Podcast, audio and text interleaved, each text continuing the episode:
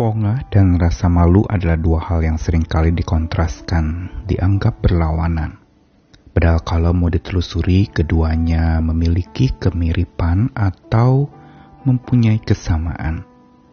Yaitu kedua-duanya orang yang bersikap pongah dan malu biasanya merasa tidak cukup dengan dirinya dan tidak pernah cukup.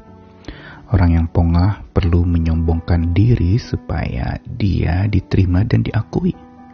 Karena dia tidak pernah merasa cukup dengan dirinya atau apa yang ada padanya.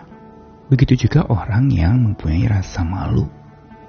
Mereka biasanya juga orang-orang yang tidak pernah cukup dengan dirinya dan karena merasa diri tidak cukup maka menjadi malu Padahal kalau mau ditelusuri sebenarnya pongah dan rasa malu dua hal yang patut kita atasi dengan bijak. Satu hal yang sering kali tidak disadari oleh orang yang pongah adalah dia sebenarnya sedang menimbun rasa malu dan aib bagi dirinya sendiri. Apa maksudnya? Saya Nikolas Kurniawan menemani di dalam Sabda Tuhan hari ini dengan tajuk Pongah muncul, malu menyusul. Ayat yang akan kita renungkan dari Amsal pasal yang ke-11 ayat yang kedua, saya bacakan dari Alkitab terjemahan sederhana Indonesia. Saat kesombongan muncul, aib pasti menyusul, tetapi di mana kerendahan hati tumbuh, di situlah hikmat berlabuh. Satu ayat sederhana dari Amsal 11 ayat 2 ini mau memberitahukan kepada kita korelasi antara kesombongan dan aib atau rasa malu. Kata aib atau rasa malu yang dicantumkan di dalam ayat itu berasal dari sebuah kata yang merupakan sesuatu yang kalau mau diterjemahkan secara harafiah, sesuatu yang memang memalukan.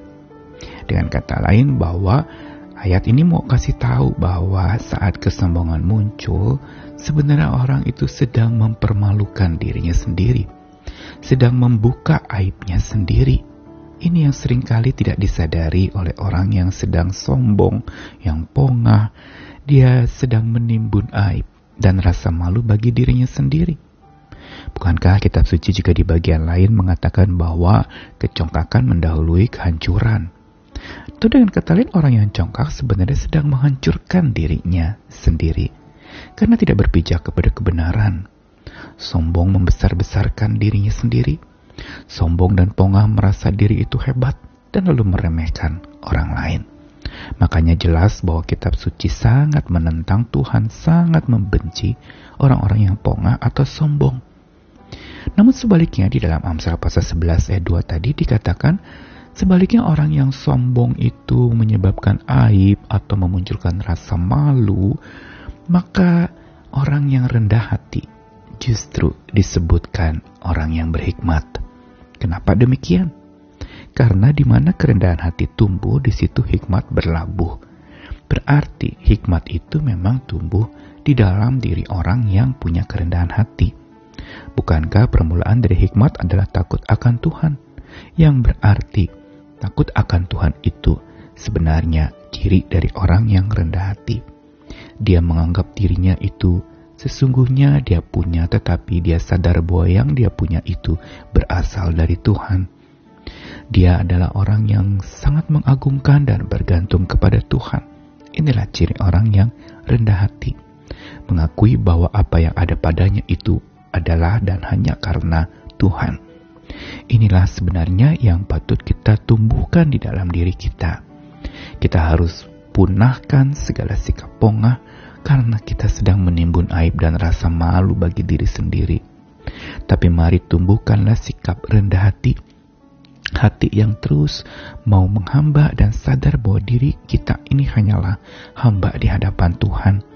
Dan ke situlah hikmat Tuhan akan tinggal, menetap, berlabuh, dan membuat orang menjadi makin bijaksana karena kerendahan hatinya.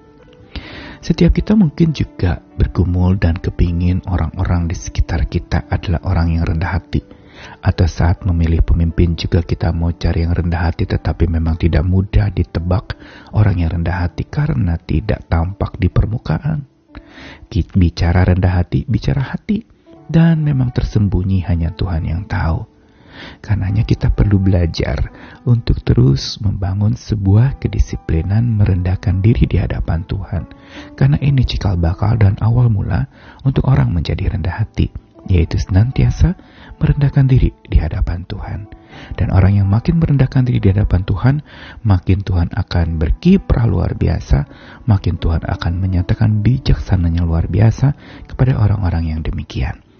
Mari kita belajar supaya pongah kita punah.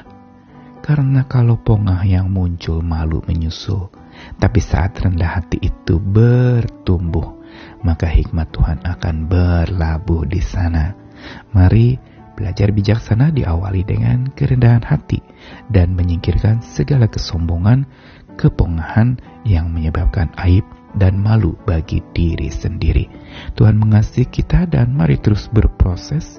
Tuhan sedang berlat, melatih dan membimbing kita menjadi pribadi-pribadi hamba yang rendah hati di hadapan Tuhan. Segala kemuliaan hanya bagi Tuhan, mari miliki hati seorang hamba. Amin.